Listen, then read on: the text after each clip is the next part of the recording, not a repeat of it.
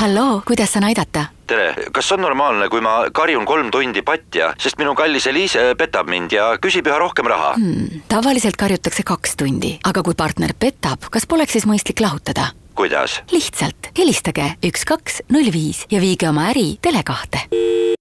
kuku raadios välja öeldud seisukohad ei pea ühtima Kuku raadio seisukohtadega. Te kuulate Kuku raadiot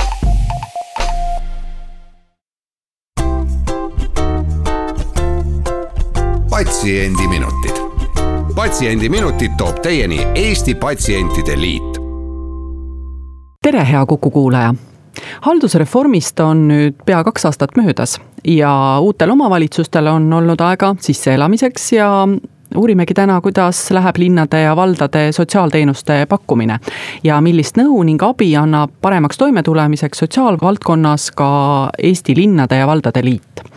mina olen Kadri Tammepuu ja hea meel on täna stuudios tervitada Türi valla vallavanemat ja Linnade-Valdade Liidu juhatuse aseesimeest Pipi-Liis Siimani, tere tulemast! tere kõigile! Kui tihti eh, tulevad linnade-valdade liidu juhatuse koosolekutel jutuks sotsiaalteenused ja nende pakkumine? Juhatuse koosolekutel räägime me sotsiaalvaldkonna teemadest või ka arendusmõtetest võib-olla paaril korral aastas. kuid loomulikult tegeleb meie spetsialist liidu büroos oluliselt sagedamini ehk ikkagi igapäevaselt meie liikmeteks olevates omavalitsustes kogutava teabega, selle analüüsimisega, nõu andmisega ja ka ühiste probleemide tõstatamisega, mis siis enamasti jõuavadki ka juhatuse lauale no põhjust äh, ju, nagu me ikka kuuleme, oleks sotsiaalteenustest rääkida ja aeg-ajalt jõuab avalikkusesse ka mõni lugu, kus äh, kohalik omavalitsus äh, võiks mõnda asja paremini teha. no näiteks mitmed Narva linna sotsiaalteenuseid puudutavad õigusaktid on õiguskantsleri arvates põhiseadusega vastuolus. No kui tuua mõni näide, siis näiteks sotsiaaltransporti pakutakse abivajajale siis, kui linnal on raha või kui inimesel ei ole lähedasi. ja õiguskantsler palus siis Riigikohtul need kehtetuks tunnistada. kas ähm, Narva on ainuke omavalitsus, mis just nimelt neid sotsiaalteenuseid puudutavate õigusaktidega kimpus on? See on väga hea, et õiguskantsler ja nüüd ka kohus seisukohti võtab sellistes küsimustes.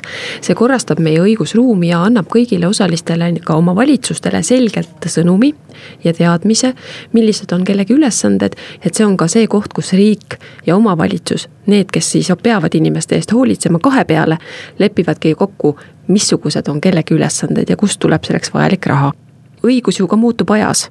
nii et kui varem iga omavalitsus tegigi tõepoolest lihtsustatult öeldes nii palju, kui raha oli ja võimalust oli. või kui ta oskas seda olulisemaks või vähem oluliseks pidada. meil peavadki tekkima ühised eh, nii-öelda standardid selles ongi selle praeguste sotsiaalteenuste kvaliteedi erinevused väga suured erinevates omavalitsustes.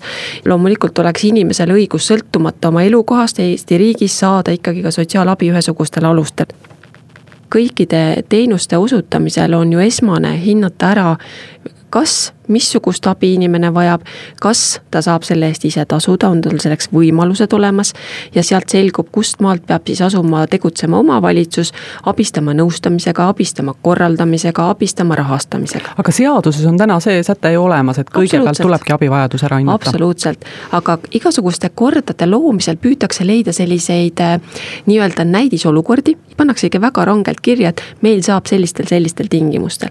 aga tuleme korra veel ikka õigusaktide juurde tagasi, et, et ähm, kas teie teada on äh, selliseid omavalitsusi veel, kus äh, õigusaktid on põhiseadusega vastuolus, ehk on kirja pandud äh, mingeid piiranguid, kuidas sotsiaalteenuseid pakkuda?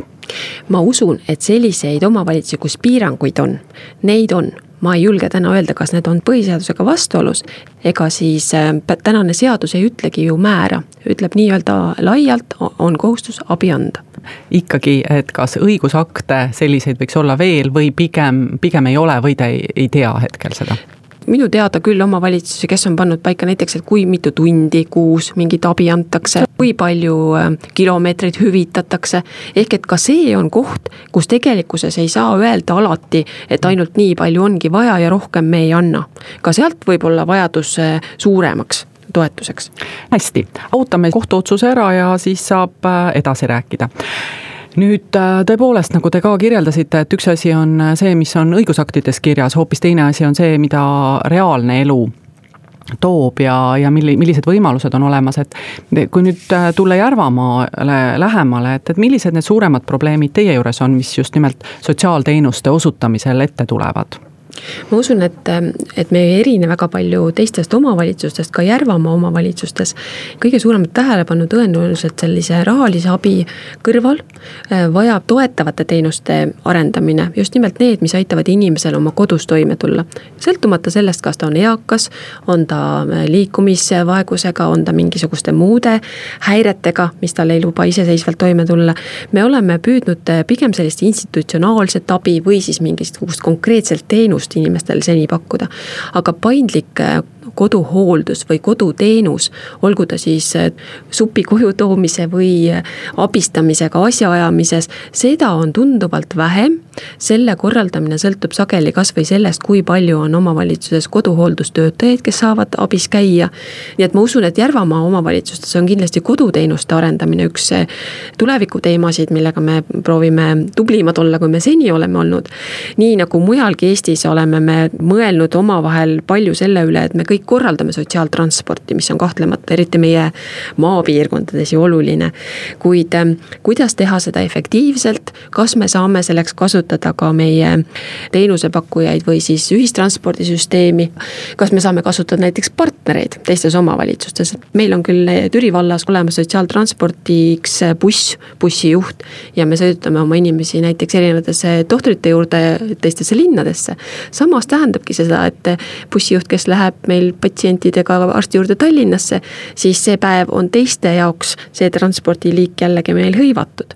E, no seda on ka räägitud, et ja. Äh, ega ka ühistransport ei ole väga mõistlik alati, just nimelt mm -hmm. need suured bussid, et äh, paindlikkus oleks hoopis parem.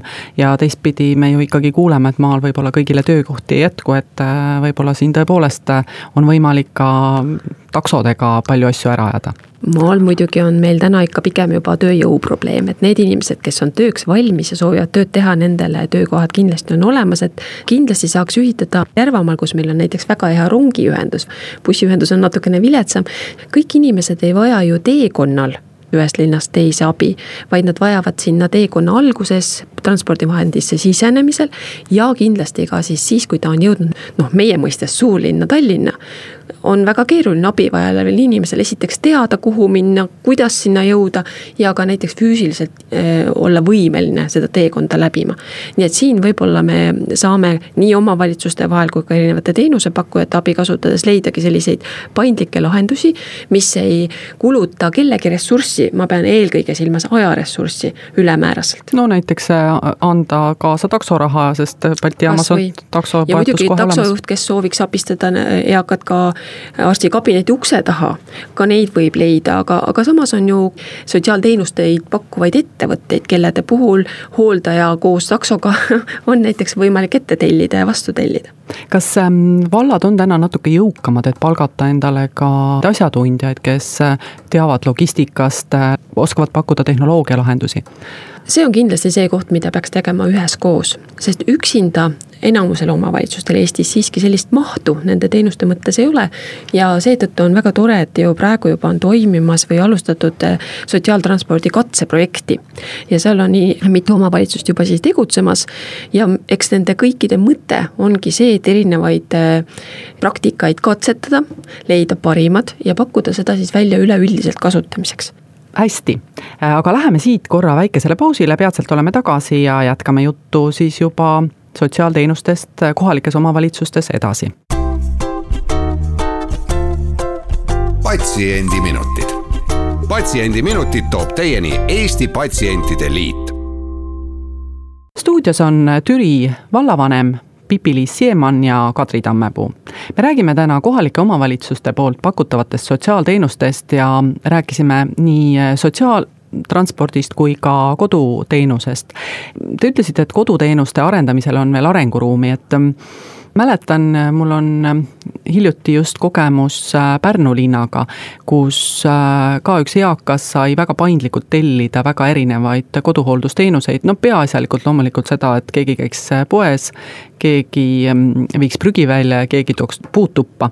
teiste asjadega võib-olla abistasid naabrid ja teised inimesed, kas on nii, et, et mida suurem omavalitsus, seda paremini arendatud koduteenused?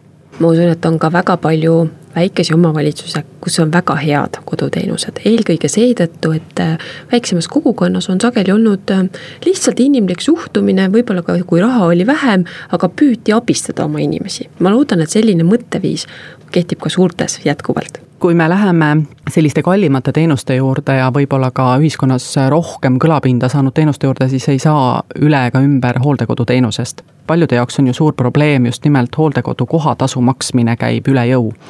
Kui äh, nüüd üks inimene, kes ei jõua hooldekodu eest maksta, pöördub valla poole, näiteks Türi valla poole, et pensionist ei piisa ja lapsed ka ei aita, mis siis saab? siis on tavapärane praktika see, et nii nagu seadus ütleb, et hinnata inimese siis seda abivajadust. seaduse järgi Eestis on perekonnal kohustus abistada ja, ja see ei ole muidugi absoluutne, vaid see tähendabki seda, et abistada siis, kui see on võimalik. mida meie tavaliselt teeme, on, äh, kasutame just nimelt sellist hindamise instrumenti, selgitame välja lähedaste võimekuse, küsime, kui palju on eakal endal, noh, ütleme siis kõigepealt pension, võib-olla on tal vara, mida ta saab realiseerida selleks, maad ja metsad näiteks. loomulikult ei ole kunagi aktsepteeritav see, et inimene peaks müüma oma eluaset, eriti kui see on perekonna eluase, siis äh, selliseid ettepanekuid me ei tee ja lisaks on võimalik ja, ja ma arvan, et väga inimlikult kasutatav see, et mida meie sotsiaaltöötajad praktiseerivad, perekonnaliikmetelt saab küsida, millises ulatuses on neile jõukohane selle teenuse eest abistada tasumisel? no inimesed on ju väga erinevad, mõni arvab, et äh, ka näiteks kahe tuhande eurone palk on ikkagi liiga vähe. kuidas te siis äh, lähedastele selgeks teete, et teie ootused on suuremad? Äh, tegelikult ülalpidamiskohustusest vabastab sellisel puhul kohus. meil on olnud juhtumeid, kus mitu last kenasti töötamas Soomes, Eestiga võrreldes väga korralikud palgad ka võrreldes Eesti hooldekodukohtadega ja kes lihtsalt ütlevadki, et meie ei soovi oma vanema eest osaleda selles tasumises. sellisel juhul muidugi ongi arukas pöörduda kohtusse, sest omavalitsus ei ole uurimisorgan ja meil puudub pädevus hinnata igasuguseid erinevaid asjaolusid loomulikult on eelkõige tore, kui leitakse kokkulepe. mõnele perele on jõukohane maksta kakskümmend eurot kuus juurde, teisele on kakssada võimalik. ja sealt me tavaliselt siis leiamegi sellise momendi, kus me siis kolme peale eaka enda pension, lähedaste panus ja omavalitsus katab siis ülejäänu kui palju selliseid eakaid näiteks Türi vallas on, kellel te aitate kasvõi mingil määral hooldekodu eest maksta? Neid on meil endal ligikaudu paarikümne, kolmekümne, neljakümne kandis, kellel me siis aitame tasuda mõnikord ka inimeste finantsolukord paraneb, ei ju ainult mitte alati ei halvene. no keegi saab parema palga peale tööle või lapsed iseseisvuvad ja perel jääb raha järele. et kuidas vald sellest teada saab, et mõni elanik enam hooldekodu hüvitist äkki ei vajagi? meie sotsiaaltöötajad kindlasti nendega, keda me abistame hooldekodusse jõudmisel ja sinna paigutamisel ja tasumisel, nendega suhtleb ja korra aastas selgitab ka välja just nimelt sellesama asjaolu, et kas on äkki tõepoolest pereliikmete olukord muutunud, võib-olla halvemaks, aga võib-olla ka paremaks. ja me vaatame nii-öelda seda osalusi korra aastas üle õiguskantsleri büroo inimesed äh, käivad äh, hooldekodudes ringkäikudel ja tihti on olnud probleemiks äh, elanike alandav kohtlemine no näiteks, eks ole, et inimesi seotakse kinni või ohjeldatakse kuidagi või, või ei tagata neile privaatsust, mis oleks mõistlik või loomulik. ja selleks, et seda olukorda parandada, on nüüd arvatud, et hooldajad peaksid olema paremini koolitatud, uuest aastast ongi see kohustus kõikidel hooldekodudel, et kõik kõik hooldajad oleksid koolituse läbinud. nüüd hooldekodude pidajad ütlevad selle peale, et töötajate koolitamine kergitab kohatasusid ja osad hooldekodud pannakse hoopiski kinni. kas te olete oma maakonna tegijatega rääkinud või, või ka Eestis laiemalt rääkinud, et kas nemad jätkavad? oleme uurinud seda oma liikmete hulgas Linnade-Valdade Liidus. nõuded, et nad tekivad ja jõustuvad, ei ole uudiseks ei omavalitsustele ega hooldekodupidajatele, olgu nad siis erasektorist või avalikust sektorist. ja seetõttu on väga palju hooldekodusid, kes tegelikult on pidevalt oma töötajaid koolitanud, leidnud selleks aja ja võimalused, kasutanud erinevate programmide äh, pakutavat äh, raha näiteks koolituste korraldamiseks, kuid on väga raske leida tänapäeval hooldajaid, sest töö on raske ja palk ei ole just väga kõrge. seetõttu on kindlasti see koolitusvajadus jätkuv hooldaja lisaks sellele, et ta on hea ja tubli inimene, peab ka teadma, kuidas abistada, millised on nõuded käitumisreeglitele, ka andmekaitsele tänapäeval kindlasti. selles mõttes on hariduse nõue täiesti põhjendatud. aga hooldekodu äh, kohatasude tõstmine, kas see võib olla näiteks probleemiks sel moel, et äh, vald peab äh, sotsiaalteenustele natukene suurema eelarve järgmiseks aastaks tegema? Me arvestame sellega igal aastal, et keskmiselt tõusevad igal aastal hooldekodude kohad noh, viis kuni kümme protsenti. loomulikult on täna hooldekodudel juba kohustus arvestada siis ka võimaliku koolituseks kuluva lisakuluga kui nad seda varem juba teinud pole. nii et see võib teatud määral kergitada ka hinda, ma ei usu, et see saab olla väga-väga suur ega määrav meie liikmete hulgas on sellise küsitlusele vastanuid äh, päris hulga ja enamus nendest küll teadvustab endale seda võimalust, ilmselt ka arvestab eelarvete koostamisel, kuid ei pea seda väga suureks kriisiolukorraks ega ohuolukorraks hetkel seda on hea kuulda ja ma usun, et see täpselt nii ka läheb. ma toon veel võib-olla siia kõrvale välja just, et kuna ka Järvamaa kohta küsimus oli, Järvamaal on Koeru hooldekeskus, keda tõepoolest me mm, tunnustasime viimasel nõukogu koosolekul kui väga tubli koolitajat. samamoodi on Türi vallas Väätsa eakate kodu, kus meie juhataja tõesti kogu aeg ja pidevalt töötajaid koolitab ja muretseb ka selle nende professionaalsuse eest aga millised näiteks Türi vallas on veel need lisavõimalused ja teenused, mida seadus otseselt ette ei näegi, mis äh, on baastasemest äh, kõrgemad või paremad, äh, mida vald oma elanikele pakub? me oleme püüdnud olla paindlikud, ehk et kui sotsiaaleluruumi pakkumise kohustus on, siis meil on neid sotsiaaleluruume võib-olla mitut liiki. Lisaks sellele, et lihtsalt saan valla käest äh, rentida korterit ja selles elada, kui ma ise endale eluaset ei suuda tagada, siis meil on sotsiaaleluruumi teenus, milles on näiteks lisaabi võimalus. see tähendabki inimesi, kes ei suuda endale ise enam võib-olla süüa teha, neile võimaldatakse toit kolm korda päevas, kes ei suuda võib-olla ise liikuda, need abistatakse, see ei ole hooldekodu, ta ikkagi elab iseseisvalt, kuid ta saab kõrvalabi. ehk ta maksab näiteks üüri ka? Ikka, üüri maksavad enamasti kõik, kui see neil vähegi võimalik on. kuidas vabatahtlikega lood on, kui palju te vabatahtlike abi saate kasutada? meil on äh, vabatahtlikke, kes näiteks äh, korraldavad ähm, ka läbi koguduste erinevaid kodus käimisi, abistamisi, toetavad nii-öelda moraalselt väga sageli on ju suur abi, kui sul on keegi, kes sind käib regulaarselt vaatamas. meil on äh, inimesi, kes abistavad näiteks kasutatud rõivaste kogumisega ja nende jagamisega, et meil üks väga tubli Kätlin Koppel, ütlen kohe nime maha, kes aastaid tõesti vabatahtlikuna sedalaadi tööd teeb. meil on koguduste juures natuke naabrivalvesüsteemi moodi, kui keegi jääb ära, tekib ikka küsimusi ja nad ei jäta seda lihtsalt, et ju ta ei viitsinud enam tulla, vaid käivad vaatamas, kas on tervis korras loomulikult Toidupanka kiidame, kes aitab meie peredeni toimetada siis koos meie sotsiaaltöötajatega toiduabi. ka see on suuresti vabatahtlike õlul. see vabatahtlikkus, see on ka võimalus tulevikuks suurem, kui me seda praegu kasutada oskamegi. nii on ja teistpidi on küllalt ju neid juhtumeid, kus inimesed justkui ennast kirja ei pane ega kellelegi ei räägi, kui nad kedagi abistavad. muidugi ja ma arvan, et see on ka väga hea, sellepärast et vana tõde, kui igaüks kedagi juba abistaks, siis olekski abivajajaid palju vähem nii ta on, aga suur aitäh, Pipi-Liis Siimann täna saatesse tulemast. täname ka kõiki kuulajaid, saadet juhtis Kadri Tammepuu. Kuulmiseni taas järgmisel nädalal ja seniks olgem terved. patsiendiminutid, Patsiendiminutid toob teieni Eesti Patsientide Liit